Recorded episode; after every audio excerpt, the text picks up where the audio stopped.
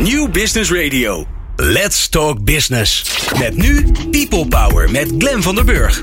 People Power is een programma over de kracht van mensen in organisaties. Met interviews en laatste inzichten voor betere prestaties en gelukkige mensen. Deze week gaat Glen van der Burg in gesprek met... Gert-Jan Meels van Here, There and Everywhere is in de studio. Samen met Harry Starre, want we beginnen weer eens aan wat nieuws. Ja, het is weer zover. Jullie zijn het ondertussen wel een beetje gewend van me.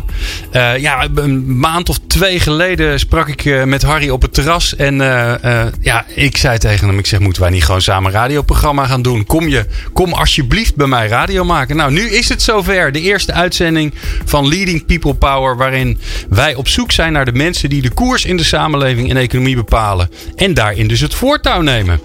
Ja, die, uh, die vraag staat centraal bij onze reeks die we samen gaan doen. Eén keer in de maand maken we samen een programma.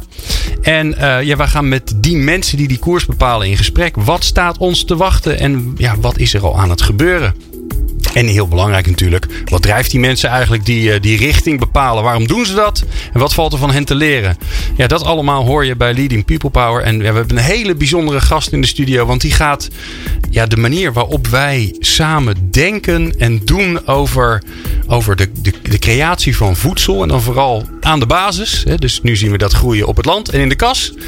Ja, straks ziet dat er allemaal heel anders uit. En dat hoor je vandaag hier bij People Power. Fijn dat je luistert. People Power met Glen van den Burg. En Harry Starre. Ja, het is allemaal zo vers dat er nog niet eens een Harry Starre jingle is. Dus die, die moeten we nog gaan, gaan maken.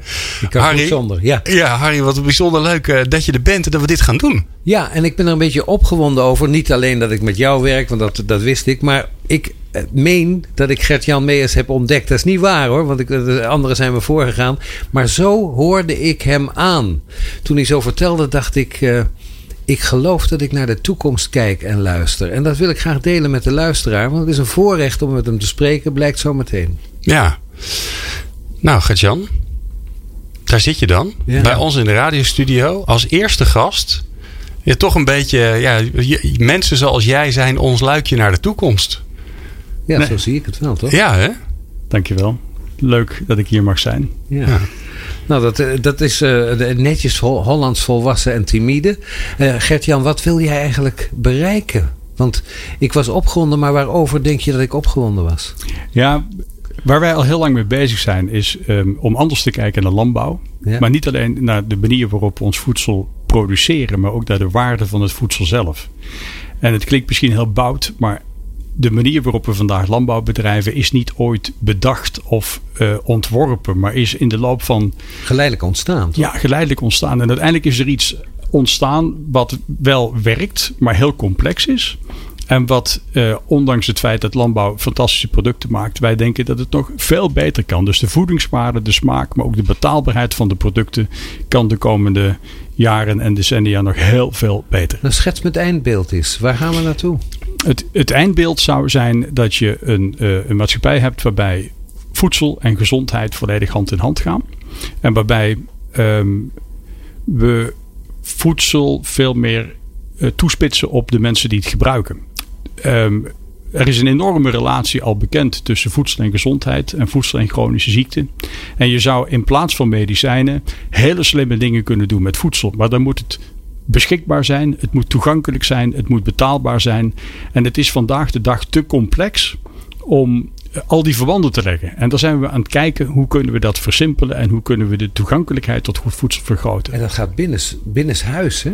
Indoor hoor ik altijd. Indoor ja. farming, daar ja. wordt het mee geassocieerd. Dat, dat is de tool, ja. dat is het gereedschap, dat is niet het doel op zich. Maar je ziet, um, de, de oudste vorm van landbouw bestaat nu geloof ik 10.000 jaar buiten hè, in, in het veld. koren. Ja. Ga je daar een eind aan maken? Nou, Waag het niet, hè? Uh, wij zeggen altijd planten hebben een hekel aan de natuur. Ja? Uh, de natuur is leuk om in te wandelen, maar voor planten is het eigenlijk een ellende om dat te overleven. Nou, planten kunnen dat heel goed. Hè?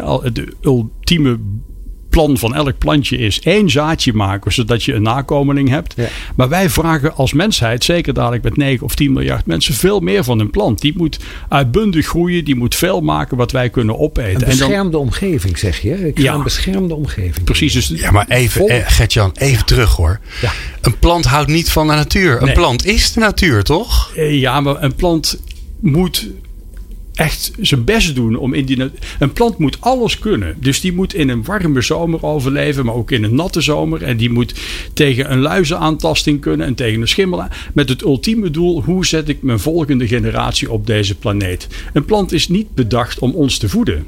Terwijl we dat in toenemende mate van de planten verwachten. En dan is de natuur niet de ideale plek om dat te laten gebeuren. En noem dan eens één ding waar planten echt een pokkenhekel aan hebben. Nou ja, eigenlijk aan alles wat ik net al noemde. Te warm, te droog. Dus die plant die is, die is meester in het zich aanpassen aan niet-optimale omstandigheden. Dat kunnen ze als geen ander. Maar op het moment dat je die planten ideale omstandigheden aanbiedt, kunnen ze 10, 20 keer meer dan wat wij van ze kennen. Mhm. Dus de meest traditionele vorm van landbouw uh, toen waren we met, met een handvol mensen en toen speelde ruimte geen, enkel, uh, geen, geen, enkele rol. Maar de volgende stap is tuinbouw, glastuinbouw, kassen.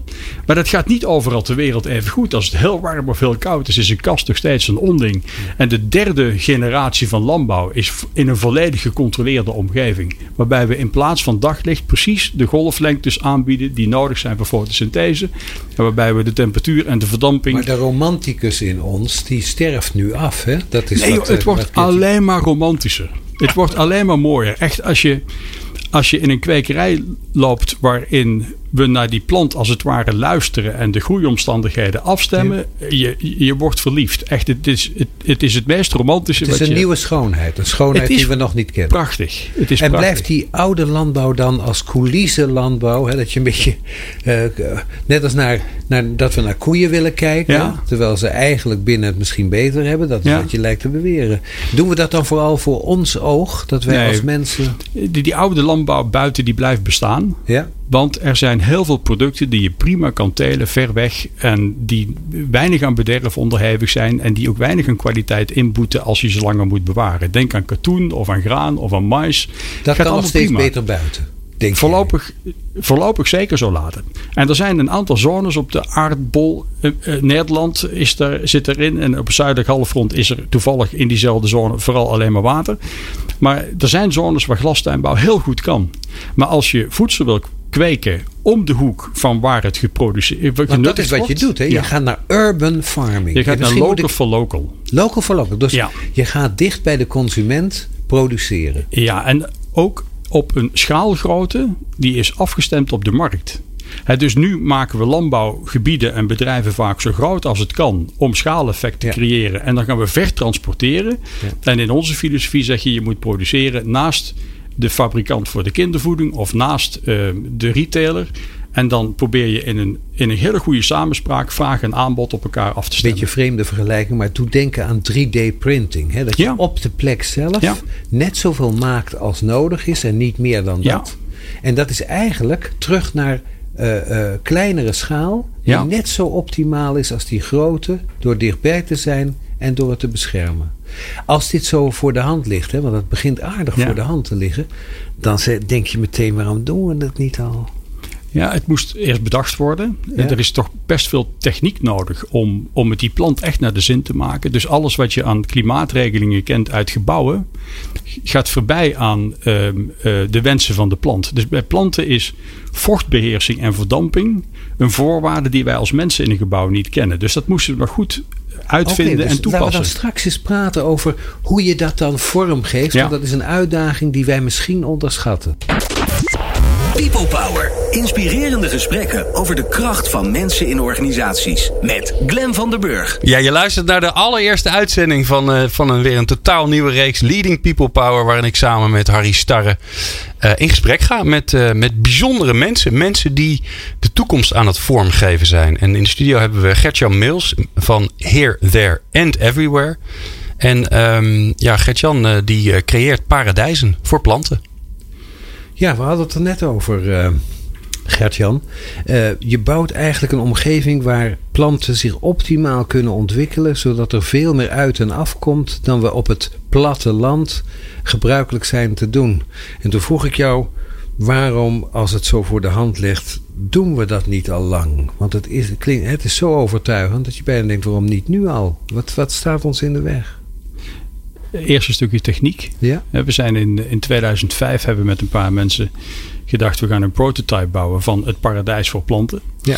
Ehm, Een experimentopstelling zou ik ja, zeggen. maar wel vanuit ehm, eenvoudige biologische kennis. Niet, niet hoogdravend academisch, maar je weet eh, dat een plant eh, eh, CO2 nodig heeft om te groeien en dat die licht nodig heeft en dat een plant de golflengtes rood en blauw met name absorbeert en in het wit licht juist het groene reflecteert. En Ja, daarom, daarom zijn planten groen, hè? wij, zien, ze- wij zien ze als groen. Oh ja, wacht. Ze zijn niet groen, Nee, we zien ze- ze als ja, eigenlijk is er bijna niks dan dat wij projecteren. Hè? Het is net als met de liefde. Nou ja, dit is pure projectie. Ja, je projecteert wit. Hij neemt op, of zij neemt op, wat, wat, wat nodig is. En dat spel van techniek en biologie, daar zijn we nu zeg maar twaalf jaar mee bezig. En waarom, heb, waarom interesseer je? Wat, wat ben je van je vak?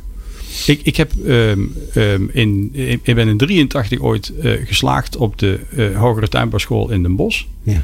Dus je Eh, hebt wel wat met planten. Ik heb wel wat met planten, maar ik, ben- ik kom niet van een boerenbedrijf of van een tuinbouwbedrijf. Maar ik heb wel wat met planten. Ik heb ook iets met planten en voeding. En ik heb in Den Bosch een vakkenpakket gekozen. Dat bestond en uit techniek, en uit meterregel, en uit economie, en uit eh, eh, communicatie. Hier kan je alles in kwijt, hè? Ik vind dit, dit is niet alleen een paradijs voor planten. Dit is echt voor mensen die multidisciplinair denken. En die niet eh, hun toekomst ophangen aan wat heb ik nou precies gestudeerd. Is dit echt een, een fantastische wereld. Waarom ligt Gert-Jan Meijers voor op al die grote bedrijven? Want de agricultuur, eh, agribusiness is groot in Ja, Nederland. Eh, groot. Hoe kan zo'n manneke uit, eh, wat is het, Eindhoven toch? Ja, vlakbij. Ja. Ja, Hoe kan je daarop voor liggen dan? Nee, ik weet niet. kijk, Lig je voor? Ja, ik denk het wel. Maar dat heeft ook te maken met ehm, durven denken, eh, stappen durven zetten. Ehm, eh, je, je- weet eh, dat mijn vrouw en ik aan dit bedrijf ooit begonnen zijn in 1989, hè, bureau Meeuws. En wij zijn nu eigenlijk al bijna 30 jaar bezig met vernieuwen, nieuwe dingen oppakken, samenwerken. Sommige samenwerkingen weer een keertje beëindigen, omdat er iets beters of iets passenders voorbij komt. En dat avontuur van door durven stappen, vasthouden aan die missie. Een leven van passanten is het allemaal. Het is soms een leven van passanten, dat is absoluut waar. En dat komt omdat bij ons die missie van je kan de wereld voorzien van slimmer voedsel wat op een slimmere manier geproduceerd wordt, dat is leidend. En daar passen in verschillende fasen anderen bij en in andere fasen weer anderen. Ja. Dus Je bent promiscu, hè? Je hebt veel wisselende contacten hoor. ja, maar wel op een nette manier. Ja, maar innovatie is misschien wel Nou ja, wisselende contacten, of niet? Innovatie is wisselende contacten omdat het zo snel gaat. Dus iets wat vandaag past, past over een jaar misschien niet meer. Daar moet je tegen kunnen.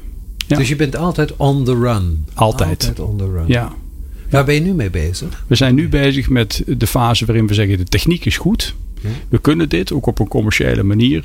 Dus hoe kun je dit nou groot maken? Hoe kun je hier nou op een professionele manier naar landbouw buiten of naast landbouw buiten en in de kas een derde professionele vorm van landbouw maken? Je bedrijf heeft here, there and everywhere. Where? Hè? Dus dan is de vraag waar doe je Nou ja, dat? wat wij fantastisch zouden willen om, is om in Afrika eh, de metafoor van de telefoon te gebruiken. Een generatie over te slaan. En dus niet allemaal eerst een vaste en dan een mobieltje. Maar in één keer de sprong te maken van een logistiek systeem wat volop hapert. En waar oogsten elk jaar mislukken naar de ultieme vorm van landbouw. Waarbij op een betaalbare manier het allerbeste voedsel in kunt de Afrika sprong komt. maken waar de achterstand groot is. Het- ik daar hoef je het minste weg te gooien en dan kun je het snelste eh, iets nieuws bieden dat beter is. Ja, absoluut. Ja. Dus eigenlijk liggen we met onze voorsprong achter. Ja, dat is altijd zo. Ja. Het, ja, het heet volgens mij de wet van de remmende voorsprong. Maar je, nee, het, het- onze droom is, ehm, ook in de westerse wereld, eh, uiteindelijk overal, maar vooral Afrika biedt zulke enorme kansen en de behoefte aan een, aan een eh, werkend landbouwsysteem is daar zo enorm Noem eens groot. waar je bezig bent. Nou, we hebben eh, fantastische contacten eh, eigenlijk over het hele Afrikaanse continent wel. Maar vooral in Zuid-Afrika. Dat is een hele mooie basis om van daaruit Afrika in te trekken. En we hebben nu de eerste demo-kwekerijtjes geleverd om daar een beetje de gemoederen klaar te maken voor de volgende stappen. We zouden heel graag iets gaan doen aan beter plantmateriaal voor Zuid-Afrikaanse boeren. We zijn aan het kijken in Nigeria, wat, wat ook politiek erg spannend is om daar wat te kunnen gaan doen.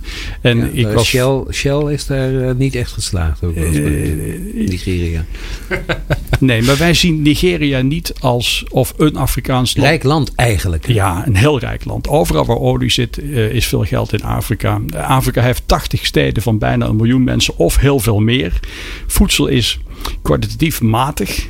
Voedselveiligheid is een groot issue. Prijzen zijn twee, drie keer de prijs van Amsterdam. Dat wist ik niet, hè? want je denkt dat daar uh, voedsel en groente goedkoop is. Hoe in, in, de, in, de, in de marktstalletjes op de lokale markten wel. Maar als je naar de moderne retail gaat in Afrika. En ze hebben fantastische winkels. Daar kan een Jumbo of een Albert Heijn of... of hè, Nog wat van leren? Nou ja, het zit op zijn minst op hetzelfde niveau. Prachtige winkels. Maar de kwaliteit valt tegen. Want het komt toch vaak nog van ver. En de prijzen zijn twee, drie keer de prijs van Nederland.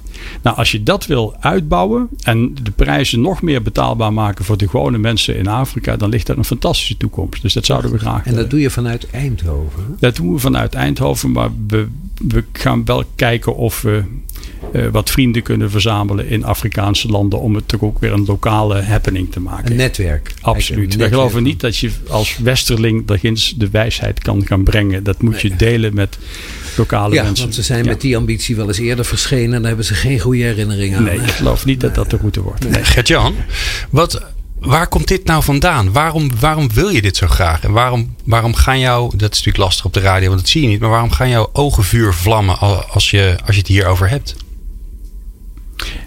Um, ik denk dat het, het, het hebben van een, een ambitieus doel, wat misschien wel te ver weg lijkt, maar wat voor iedereen begrijpelijk is, op een slimme manier voedsel verbouwen, wat goed is voor mensen dat, dat is zo makkelijk uit te leggen. En uh, je merkt ook dat hier mensen aanhaken die dit uh, echt doen omdat ze wat willen bijdragen. En niet omdat ze zo nodig hemeltje rijk willen worden. Ik bedoel, dat, dat kan. Dat, dat zou ook nooit een doelstelling moeten of mogen zijn. Je, uh, er is zoveel interessant werk te doen door verschillende gebieden nu aan elkaar te koppelen, jonge mensen erbij te betrekken. De gemiddelde Afrikaan is 19. Dat is zowel een bedreiging. Ons? Bij ons is het net andersom. Ja, wij zijn gemiddeld, ik geloof, 6 of 37 in Europa. Hè? Maar een Afrikaan maar, ja, dan, dan kan je, maar dan kan je ook uh, aan, uh, aan het waterprobleem, of je kan met zonnepanelen, weet je, je kan honderdduizend dingen doen die allemaal ja. bijdragen aan dat continent. Maar jij gaat met voedsel Ja, maar die andere dingen haken erop aan. Ik bedoel, als je, als je een behoorlijke component van deze manier van voedsel produceren is toch energie. Nou, als je die energie kan maken met natuurlijke bronnen, is dat gewoon heel slim om te doen. Water is bijna tegenovergestelde. Wij gebruiken in deze manier van landbouw bijna geen water meer. Al het water, zelfs wat we die planten laten verdampen, vangen we opnieuw op. Dus het enige, je hebt een liter nodig voor een kilo tomaten. en zelfs iets minder. Je houdt het als het ware binnen nou ja, de keten. Je houdt het echt binnen, binnen het gebouw zelfs. ja. ja. Ja, en dan was de vraag van Glenn: waarom gaan je ogen uh, fonkelen? Uh, niet alleen uh, krijg je schouderklopjes, neem ik aan, want er zijn nee. veel gevestigde belangen. Word je een fantast genoemd? vraag ja, ik maar een beetje leidend. Toen we in, in 2005 begonnen met, met die proto en we voorzichtig aan gingen nadenken over hoe zou dit een bijdrage, niet de oplossing, maar een bijdrage kunnen leveren aan het wereldvoedselprobleem. Dan, dan word je al vrij snel weggezet als megalomaan en, en, en fantast. En, en, en, nou, dat heb ik nog niet gehoord. Maar misschien is dat wel gedacht. Maar als je, je nou ja, die stip op de horizon en, en het toch wat verder wegdenken. Maar wel de stappen die vandaag gezet moeten worden, dicht bij huis gewoon durven zetten. En, en we zijn zo vaak op ons gezicht gegaan en we hebben zoveel blauwe plekken opgelopen. Maar uh, die missie en het enthousiasme van de mensen uh, uit allerlei windstreken en disciplines waarmee we samenwerken, dat is gewoon echt Krijg je makkelijk geld hiervoor? Want dat is vaak een bewijs of ze je geloven. Hè? Want uh, um, je krijgt vaak steun met de mond, maar krijg je het ook vanuit de portemonnee? Ja, we hebben, uh, we hebben in 2010 waren we een van de vier oprichters van het bedrijf Plantlab. Ja. En dat was de eerste jaren ploeteren, hard werken, uh, dingen bedenken. Maar uiteindelijk hebben we daar uh, financieel een fantastische slag geslagen door te gaan samenwerken met het Zwitserse Syngenta met 26.000 mensen. Groot bedrijf. En toen een omzet van 12 miljard euro. Toen al. Ja. Een zusje of een, een, familielid zeg maar, van de Monsanto en de Bayers en de Balseffen. En daar hebben we uh, met dat bedrijf heel veel geld mee opgehaald om, om echt de toekomst te kunnen financieren. Uh, we zijn er uh, operationeel uitgestapt, mijn vrouw en ik. We zijn nog wel steeds aandeelhouder ervan.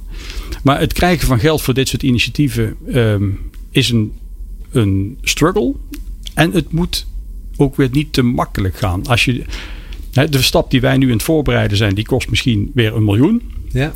En de stappen die erop volgen, die kosten daar waarschijnlijk weer een veelvoud van. Maar het, het, het, blijven zoeken naar creatieve manieren en bedrijven erbij te betrekken die zeggen: Ik doe wel een klein beetje mee, want dan kan ik in de volgende fase ook meeliften. Dat is eigenlijk minstens zo interessant als het ophalen van in één keer je een kunt geld. verzuipen in geld, hè? Nou, het houdt je wel creatief als het er niet is. Oké. Ja, dus, Dus het is een, beetje masochistisch. een je beetje, een beetje armoede helpt. Ja, een beetje armoede. Ja. Hè? Niet te gek. Je moet er toch nog. Dus de eerste stap is: zit je er zelf in? Steek je er zelf veel Altijd. in? We Altijd. stoppen zelf erin wat we hebben. Ja? De ene keer kan dat wat meer zijn dan de andere keer. Maar dit, dit, eh, de, ehm, geld is nodig. En we, we vinden dus ook het maken van geld en het maken van winst onwaarschijnlijk belangrijk om de toekomst in te kunnen. Maar als jullie mij vandaag, zoals we hier zitten, zouden zeggen: je moet tekenen bij het kruisje. En dan krijg je nooit meer geld dan je nu hebt. Maar je kan wel ongeveer blijven leven zoals je nu doet. Dan ben ik vandaag akkoord. Dan kunnen we ons helemaal richten Ja, op. een mooi eh, leven. Want je praat over je vrouw, je doet het samen. ja, we doen dit samen al vanaf het begin. We hebben, we hebben geen kinderen, maar wel veel kinderen waar we eh, graag mee optrekken. En dit is, dit is ons, ons leven. Dit is ehm ehm, s morgens hiermee opstaan. En, en eigenlijk, als we het niet over familie hebben, dan hebben we het hierover. Altijd. Ja. Ja? Je, je maakt geen onderscheid met tussen werk en vrije tijd. Nee, maar dat vind ik ook flauwekul. Beetje een kunstenaar, hè? Toch? Dat Misschien- lijkt op kunstenaar. Ja, maar we zetten wel wat neer. Ik bedoel, het is niet alleen ehm, eh, vertellen, maar we hebben, we hebben een aantal mooie bedrijven neergezet. En, en ook laten zien op, op diverse plekken. Ik zou bijna zeggen, echt overal op de wereld, van China tot, tot Amerika en Afrika, dat dit een, een, een, een, haalbare toekomst Gaan we is. daar straks eens over praten. Wat we nou te zien hebben in de wereld die jij aan het maken bent. Is goed. Nieuw Business Radio. Non-stop lekkere muziek voor op het werk en inspirerende gesprekken. Ja, je luistert naar eh, de, ja, een verse, een kersverse eh, programma. Eigenlijk ja, een soort babytje is er geboren. Hè. Dat is altijd weer eh, mooi als je weer nieuwe dingen aan het doen bent. Je luistert naar People Power, maar in dit geval naar de reeks Leading People Power over mensen die de toekomst, die er niet gaan over kletsen of die zeggen dat het allemaal anders wordt, maar die de toekomst aan het vormgeven zijn vanuit hun eigen leiderschap. En dat doe ik met veel genoegen samen met, met Harry Starre. En in de studio is Gertjan Meels van Here, There and Everywhere te gast. Ja, een, een Beatle-nummer, hè, we hadden het er net over, zo tijdens het, eh, de muziek. Van zou het niet mooi zijn dat af te spelen? Want here, there and everywhere, je bent overal hier bezig. Maar waar komt deze man, Gertjan Mees, vandaan? Wie heeft dit eh, genoegen dat je kennelijk hebt? Hè? Want je hebt er veel plezier in, zie ik. Wie heeft dit genoegen in je losgemaakt? Wie geeft je hiervan de schuld dat jij hier zit? Wie heeft er aan bijgedragen? Ik denk dat de schuld gaat naar, naar een paar mensen. Ja. Ehm, ehm, ik denk mijn ouders die erg eh, bezig waren met, met tuinieren en met vogeltjes houden en, en, en met ons de natuur innemen. Maar ook wel, een, eh, er waren twee biologieleraren bij mij op de middelbare school. En die hadden het initiatief opgepakt om de jonge onderzoekers op te zetten. Oh, En dat was bij ons in de Peel een museum van Jan Vriends. En ze hadden daar samen met mensen van het Natlab van Philips een compleet lab ingericht. En wij waren toen 11, 12-jarige jongetjes en een paar meisjes. En elke zaterdag om 9 uur begonnen wij daar door een microscoop te turen. En stekelbaarsjes te observeren. En, en pissenbedden uit elkaar te plukken. En ik denk dat dat echt de basis is geweest van, van het nadenken over natuur en kennis en onderzoek. En wat je er al hoe heette die? Bio, wat we gek genoeg raken ze anoniem, maar ze zijn vreselijk belangrijk, hè, leraren. Ja, Weet je toch? Hoe ze? Klaasens. Ja. En ja, die andere, daar heb ik nooit les van gehad, maar die heeft het wel samen mee gedaan. Ik zal Oké. hem nog eens opzoeken. Ja. Maar die meneer de was een bioloog Ja. en ik was enorm gefascineerd door die man. Ja. Ja. En eh, van wie krijg je nou steun terwijl je deze rit opgaat? Wie zijn, waar, waar zoek jij nou je maatjes? Eh, op dit moment bedoel je dan? ja, dat- Ja, dit- ehm, deels toch ook wel in de professionele land- en tuinbouwsector. Ik ken, ik ken heel veel mensen van veredelingsbedrijven die fantastische nieuwe producten maken. Eh, we hebben ontzettend goede contacten op verschillende plekken op de wereld met universiteiten. In Nederland, eh, nog steeds met, met, met de Hals in den Bosch, maar ook met Wageningen, met Maastricht, eh, met Utrecht. Ehm, ik heb het voorrecht gehad eh, om vijf jaar geleden een keer te mogen spreken op eh, Stanford University. Wat is uitgelopen naar heel veel bezoeken daar. Ja. Ehm, eh, workshops geven, optrekken met, ja, naar mijn idee, echt de best gemotiveerde studenten ter wereld. Ik bedoel, Stanford is zo duur. Niemand gaat daar naar school omdat hij naar school moet, maar echt omdat hij daar wil zijn. Een enorme investering, hè? doe je in Ja. tijd en geld. Maar ook de, de, de inbreng van uh, D-School en Ja, van Design School. een bedrijf als IDEO en het feit dat zo'n universiteit als Stanford zeven disciplines heeft, waaronder geen landbouw. Ja. Maar dat elke student in zijn studiefase ergens moet samenwerken met studenten van andere disciplines. En dan volgens het principe van design thinking een oplossing moet Ja. aandragen. Die manier van het niet in een vakje zitten, maar juist met opzet buiten de lijntjes kleuren. En amateur durven te zijn, hè? liefhebber. eh, er met nieuwe ogen naar kijken. Ja, maar het ergste, denk ik, wat ons tegenhoudt om te ontwikkelen, is zeggen: ja, maar daar ben ik niet voor opgeleid.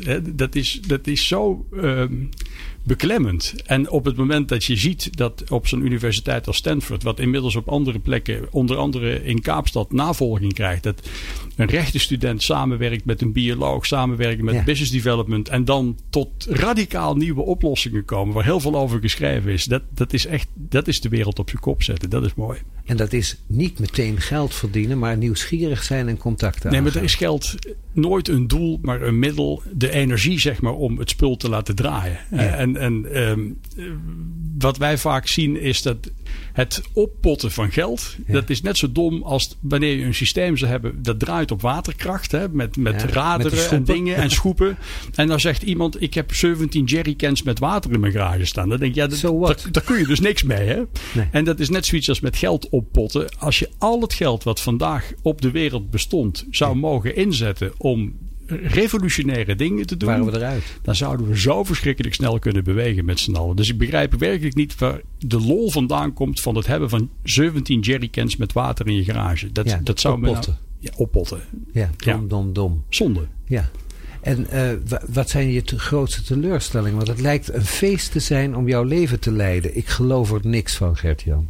Nou, overwegend is dat zo. En we zijn eh, eh, eh, regelmatig stevig teleurgesteld. Ja, tuurlijk. Ja, vertel er eens over. Wat, waar stoot je je neus? Nou, ik, ik, mijn vrouw heeft meer gevoel voor mensen en wie je kan vertrouwen blijkbaar dan ik. Maar ik ben er redelijk naïef in. Ja. En in een bepaalde fase waarin we dan zitten, zoek ik toch de mensen om ons heen die, die we vooral nodig hebben om een volgende stap te kunnen zetten. En dat past dan vaak wel professioneel. Maar zeker op het moment dat je elkaar dan opzoekt, is, is er bijna altijd toch een schaarste aan middelen. En dan heb je elkaar hard nodig. En op het moment, en dat is raar, dat je dan wat ruimer, ook financieel in het jasje komt zitten. Ja? Dan komt er blijkbaar een andere aard boven die, die bij sommigen veroorzaakt dat je de missie loslaat. Ja. En eh, zoals een goede vriend van ons zei: van als je weinig geld hebt en je krijgt in één keer meer. Dan heb je twee keuzes. Of je gaat het geld gebruiken om het weg te geven. Of je wil nog meer geld. En dat laatste. Het dat, brengt het slechtste soms in ons boven. hè? nou, in elk geval verander je dan behoorlijk van koers. En er is op zich niks mis mee als je dat open uitspreekt. Maar dat is niet onze missie. Onze missie is niet om ehm, zo snel mogelijk zoveel mogelijk geld te verdienen. Maar om interessante mensen te ontmoeten. Disciplines aan met elkaar te koppelen. Wie is de laatste Japan. hele interessante persoon die je hebt ontmoet? Wie, wie zouden wij ook moeten kennen die je hebt, hebt ontmoet? De allerlaatste interessante. Nou, ehm, ehm, een professor Kozai Ja? uit Japan. Vertel eens over professor Korzai. Nou, professor Kozai, ik denk dat hij inmiddels een stukje in de 70 is. Ja. En die man Japans, is, hè, hoor ik? is Japans. Ja. Is, een, is iemand die al in de jaren 90 bezig was met het idee van farming binnenhalen. Hij heeft dat ook deels gedaan omdat de Japanse boer, ik geloof inmiddels bijna 60 is en compleet zonder bedrijfsopvolging zit. Maar de, de fascinatie van die man voor eh, plantfysiologie, voor biologie, voor eh, technologie, de manier waarop hij zijn boeken schrijft en hoe hij op zijn, ik weet het niet, 2 of 73ste de wereld nog rondvliegt. Wil jij zo'n man worden? Ik zou niks beters kunnen voorstellen. Een Zag ander je is. je toekomst? Ik hoop het. Ja? Ja, ik hoop het. Ik hoop echt dat ik eh, dit kan blijven doen tot ik er ben neerval. Ik, ehm, dat over dat neervallen. Ehm, je kunt er ook bij neervallen, hè, bij dit. Dit, dit gepassioneerde. Dat eh, pas je wel op jezelf, jongen. Nou, er, er is wel eens wat gebeurd. Ja, hè? Ja. Nou ja, zullen we daar zeggen? Er is wel eens wat gebeurd, zegt hij besmuikt. ja. Vertel eens. Mm, In 2014, mei, hadden we net eh, een jaar eerder de geweldige deal gemaakt. die ons vleugels gaf, ook financieel, om door te kunnen investeren met Syngenta. Ja. En op Eh, miljoenen, hè? Miljoenen, dat- miljoenen. ik- je noemt het bedrag nooit. Ik heb afgesproken dat we. Maar het ging echt om, om heel veel geld. Ja. En eh, eh, ik vloog uh, op dat moment al samen met Lianne de wereld rond. Echt van Zuid-Afrika naar China naar uh, Amerika. Ja, en blijkbaar, jetlag naar jetlag. Ja, en blijkbaar kon mijn lijf dat toch niet uh, helemaal waarderen. En ergens in mei 2014 is mijn gehoor uitgevallen. Ja. En ik heb nu twee hoorapparaten, dus er valt prima mee eh, te, leven en te werken. Maar vervelend was, mijn evenwichtsorganen deden het niet meer en die doen het nog steeds niet. Dus ik heb wel een fase gehad. Dat Tikje uit balans, hè? zou je bijna ik was uit balans. Oh, ja. Ja, ja. ja, ik kon niet lopen. En, en, net op tijd voor de opening van Plantlab kon ik weer een beetje het podium op. Maar uh, nee, ik, dus ik weet dat, je, uh, dat een enthousiaste geest het lichaam, lichaam behoorlijk kan slopen. Dat heb ik uh, ja. zelf meegemaakt. Goed voor de planten en niet voor zichzelf? Uh, Druk bezig met de wereld buiten, maar niet met zichzelf. Is ja. Dat, ja. Wat doe je nu dan? Wat doe je er iets aan? Nee. Niks, hè? Nee, nee. Nee, ik, ik, kan niet zeggen dat ik nou tot één keer ben gekomen en dat ik nu beter met mijn lijf omga. Was dit het laatste gesprek? Nee, dat wordt dramatisch. ik hoop het niet, maar ik, ik ben er slordig in. Ja? Ik, ik onthoud mijn auto beter dan, dan mijn lijf. Daar zeg je nogal wat, hè? Ja. Ja, maf, hè? Ja. Dat we druk zijn met de wereld en dan onszelf een tikje vergeten. Ja, is maar goed dat je Lianne hebt. Ik, ja. Toch? ja, toch? Ja. Maar ik denk dat, dat, dit is dus iets waar heel veel mensen volgens mij best mee te maken hebben. Met drukte. En we weten gewoon dat je ook beter zou moeten eten. En dat je andere voeding. En daarom, dat, dat is dan wel weer iets wat bij me past. We moeten eten en gezond eten zo verschrikkelijk toegankelijk maken. Ik ben zo blij met... Niemand weet het beter dan jij, want je bent een voorbeeld van hoe het kan gaan. Ja, maar ik ben zo blij met een Hello Fresh en een picknick. En, en, en, en, en alle handen die aan huis bezorgd. Je, die, de, waar je de producten nog kan zien. Ja, maar ook waarbij je zo kan portioneren dat iets wat je zelf nooit zou kopen, omdat je dan 80% moest weggooien, dan kunnen zij twee blaadjes en een takje van in een doosje doen en zo kun je mooie dingen maken. Dat heb, vind ik het leuke van Nespresso. Ik gooi geen koffie meer weg. Ja. Ja. Dat is net zoiets. Hè? Ja, maar ik denk dus echt, wij denken echt dat als je de wereld op een slimmere manier wil voeden, dan gaat het veel verder dan landbouw alleen. Dan moet je andere voedselketens bedenken, andere distributiemodellen. Gaan we daarover praten, over het grotere plaatje, het laatste blokje en wie er met jou meevliegen in de zwerm van de vernieuwing. People Power. Inspirerende gesprekken over de kracht van mensen in organisaties. Met Glen van der Burg. Ja, je luistert naar People Power, naar Leading People Power zelfs. In de studio uh, mijn, uh, mijn fijne co-host Harry Starre en uh, Gertjan Mills, waarmee we praten van Here, There, Everywhere. En dat was ook het plaatje wat je net hoorde. Here, There, Everywhere van de Beatles. Daar heeft hij zijn, zijn bedrijf naar vernoemd. Um, Gertjan, Jij uh, je vertelde even net in de eerdere blokjes al van ja, weet je, door de manier waarop jij uh, eigenlijk de derde fase van, uh, van landbouw, hè, niet, niet buiten in de grond, niet in een kas, maar, maar nog gecontroleerder. En jij noemt dat plant paradise heel mooi. Daardoor kun je misschien wel twintig keer zoveel productie halen uit hetzelfde plantje. En daarmee zou je de voedselproblematiek in de wereld op kunnen lossen. Nou, dat is prachtig. Dus je hebt een enorme belangrijke sleutel in handen. En dan is vervolgens de vraag: en hoe ga je nou zo, hoe ga je dat dan organiseren? Hoe ga je nou zorgen dat je daar komt?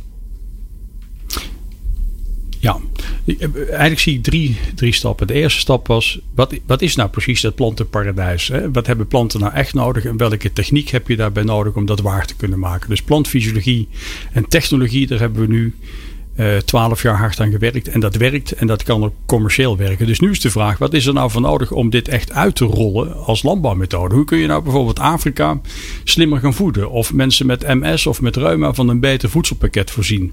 En wat wij merken is dat um, de klanten van onze kwekerijen. Dat zijn partijen die niet graag zelf boer willen worden. En al helemaal niet graag willen investeren in, noem het maar, een plantenfabriek. Dus een, een, retailer of een kindervoedingfabrikant en soms zelfs een, een veredelingsbedrijf. Die willen wel het product of de service. Maar ze willen eigenlijk niet investeren in iets wat voor hun geen core business is. dus een, een, een, pak een Nederlands retailbedrijf, die wil dat niet. Dus we zijn nu heel gedrukt. Maar wil Unilever niet in dat soort dingen gaan zitten om eens te weten of ze daar een rolletje te spelen? Ik denk dat, dat ze dat misschien uit nieuwsgierigheid wel zouden ja, willen. Een beetje experimentgeld. Ja, en dat zou ook heel leuk zijn. Maar ik denk toch dat er behalve een een nieuwe voedselketen, moeten we ook anders uh, de financiering van die voedselketen Nieuwe partijen. Je moet eigenlijk ja. nieuwe partijen. Nou, je moet eigenlijk bestaande partijen ja. hetzelfde laten doen als wat ze al deden, maar nu met een andere doelstelling. Dus die retailer die blijft gewoon inkopen. Maar die wil niet een slaakwekerij bouwen bij voorkeur. Dus je moet een, een, eh, een, een tuinder hebben, een operator hebben die die kwekerij kan runnen. En die de allerbeste sla met een afnamecontract voor vijf jaar kan verkopen aan die retailer. En je moet een andere partij hebben die zegt, ja maar als jij een contract hebt wat uh, het risico wegneemt, dan ben ik wel bereid om een fonds te stichten en om die kwekerij te bouwen. Dus je krijgt een investeringsrol. En die investeerder die wordt eigenaar van al die kwekerijen.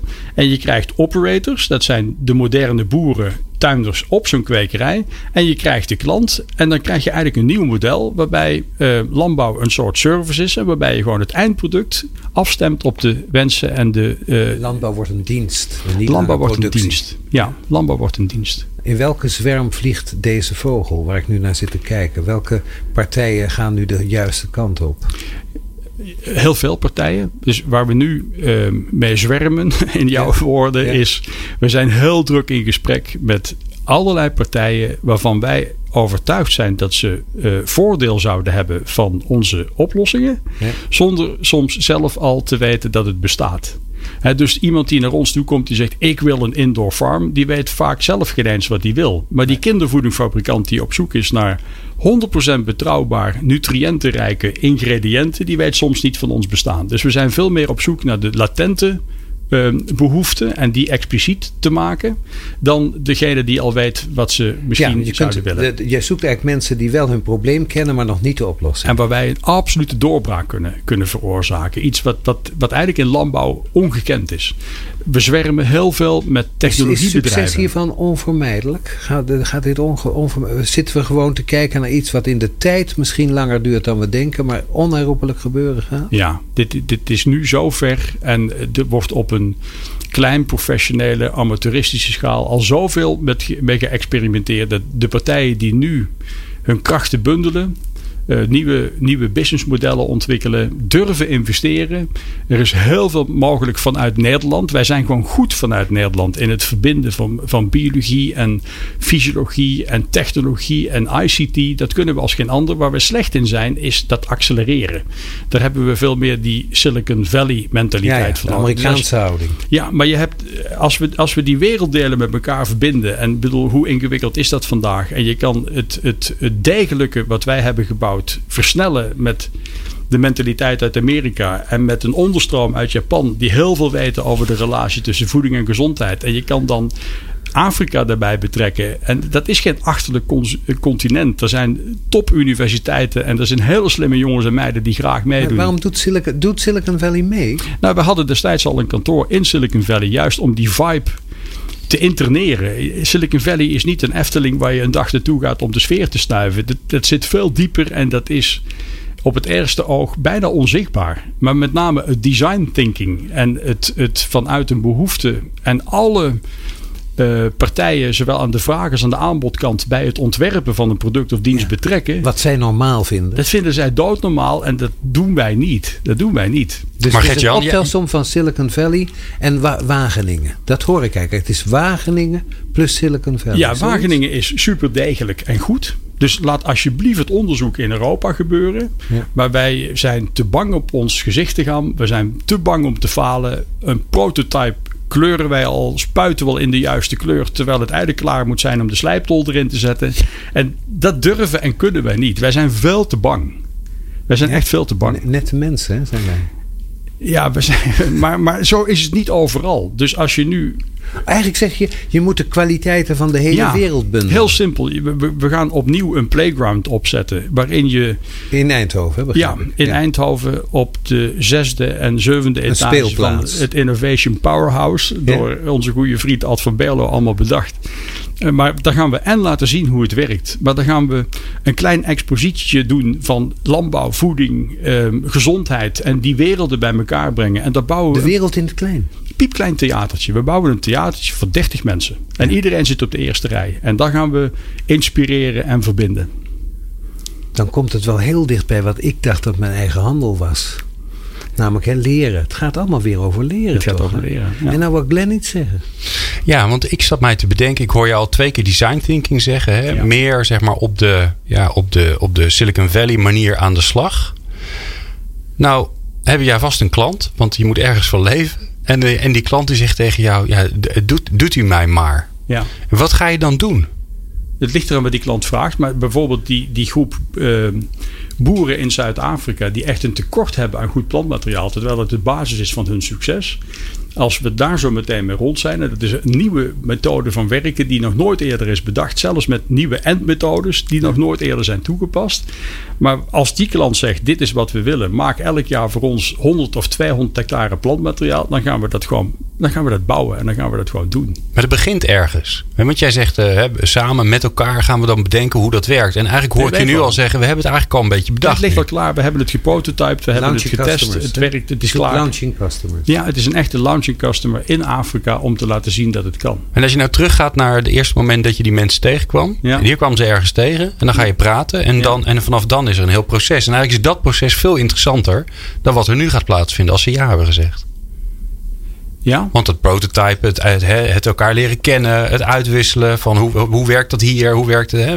Dat bij elkaar brengen van die werelden, dat vind ik spannend. ja, maar dat vinden wij ook onwaarschijnlijk spannend. En, en je merkt toch gewoon dat je in het, in het begin praat je over een concept en, en dat bloed dood en dan hou je toch contact. En dan zoek je elkaar op. Net zolang tot er iets is wat, wat realistisch is en concreet kan Gert-Jan, worden. mag ik zeggen dat je gewoon begint met een verhaal. En daarna wordt het verhaal echt. Ja, Dus je begint een beetje met jokken.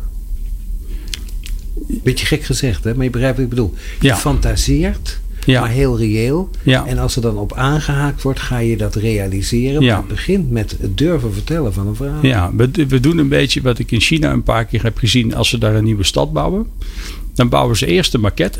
Ja. En er zit alles op en aan. En als je op je knieën gaat zitten, dan is het alsof je al door die stad loopt. En buiten bouwen ze hem na. Ja. Dus wij zijn Dat zo gewend aan, we maken een maquette van Parijs of van Rome. Maar die zijn er al, al duizenden jaren. Maar die Chinezen die maken eerst de maquette en dan bouwen ze hem na. In één keer, met straten, lantaarns, boompjes, plantenbakken met petunia's. Alles zit er al in. In één keer. Vind ik fantastisch. En dat is wat jij ook beoogt te doen. Dat, dat, dat- dat- Kleine werelden is- maken en dan ze opblazen tot de grote echte wereld. Ja, die maquette hebben we in ons hoofd. Ja. En die komt in Eindhoven, zei je. Ja. Wanneer gaat die open en kunnen we komen kijken? naar waar, jij, waar jij nu de hele programma, kort programma, over hebt gepraat. Wanneer kunnen we het zien? Zodat we het beter snappen. Vo- Volgend voorjaar. Hè, Volgend dus, voorjaar? ja, En dan waar, waar, waar moeten we dan naartoe? dan, dan, dan moet je zijn op, het, eh, op strijp. Ja? Dus de oude de oude Philips Philips, fabrieken hè? Ja, die ja. gelukkig niet gesloopt zijn. Tenminste niet allemaal. En het eerste gebied was S. eh, Ja. En dat is nu klaar. En nu heeft een projectontwikkelaar het lef gehad om strijp T Ja? in één keer op te kopen. En om daar eh, eh, innovatieve bedrijven met de missie bij elkaar te brengen. En het wordt een mengelmoesje uit allerlei richtingen. Van, van, van zonnepanelen tot compleet andere dingen. Maar we hebben één ding gemeen. Als we elkaar bij de koffieautomaat tegenkomen, dan, dan springen de vonkjes over. Ja. Is het niet vreemd dat misschien Philips wel het beste wat ze heeft kunnen doen voor Eindhoven vertrekken is?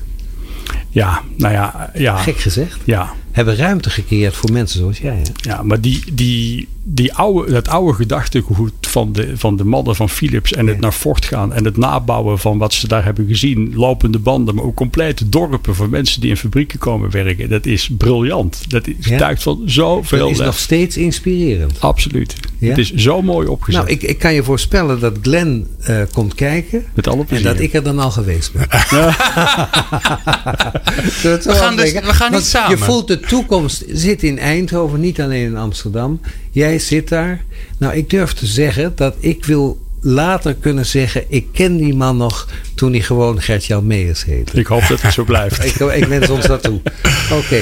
Dankjewel. Eh dankjewel Gertjan Meels dat je, dat je er eh, was, bent. Eh, want we zijn aan het einde van het programma gekomen. En eh dankjewel Harry Starre voor deze allereerste Leading People Ja. Power. Eh, ik heb ervan genoten. Jij ook? Ja, het is, het, is, een kwestie- het is een soort van binnenspelen. Hè? Ja hè? Het mogen binnenspelen. Radio maken is toch wel... Ja. Het is mooier dan wat dan ook, denk ik. En het is iets makkelijker dan iets schrijven. Dat vind ik, moet ik eerlijk Het is er gelijk. hè. Dat is het mooie. meteen, ja. Eh, dank jullie wel allebei. Graag gedaan. Ja, en daarmee komen wij aan het einde van deze afleveringen van People Power. Eh, wil je meer luisteren? Dan kan dat natuurlijk. Want eh, dit waren afleveringen 110 en 111 alweer. Dus je kan nog even 100 uur vooruit. En dat doe je op radio.people-power.nl. Kun je ze allemaal terugluisteren. Al die afleveringen. Ook alle columns van Harry. Alle columns van Jeroen Buescher. Uh, en nou, alles wat Dies niet meer zei. Um, volgende week zijn wij er natuurlijk weer tussen 3 en 5. En dat doen we dan met onder meer Danielle Brown. Die was in september bij ons ook al te gast. Maar daar was het uur veel te kort met alle mooie verhalen over haar boek The Corporate Tribe. zij is corporate antropoloog en heeft prachtige verhalen vertellen over al die rare dingen, al die rare gewoontjes die wij hebben in organisaties. En daar neemt ze een hele fijne klant van haar mee, waar ze mee samenwerkt. Dat is namelijk een brandweercommandant. Nou, daar ben ik misschien nog wel nog meer benieuwd naar wat hij ons te vertellen heeft. Dat allemaal volgende week van 3 tot 5. Maandag, People Power. People Power met Glen van der Burg. Meer luisteren? people-power.nl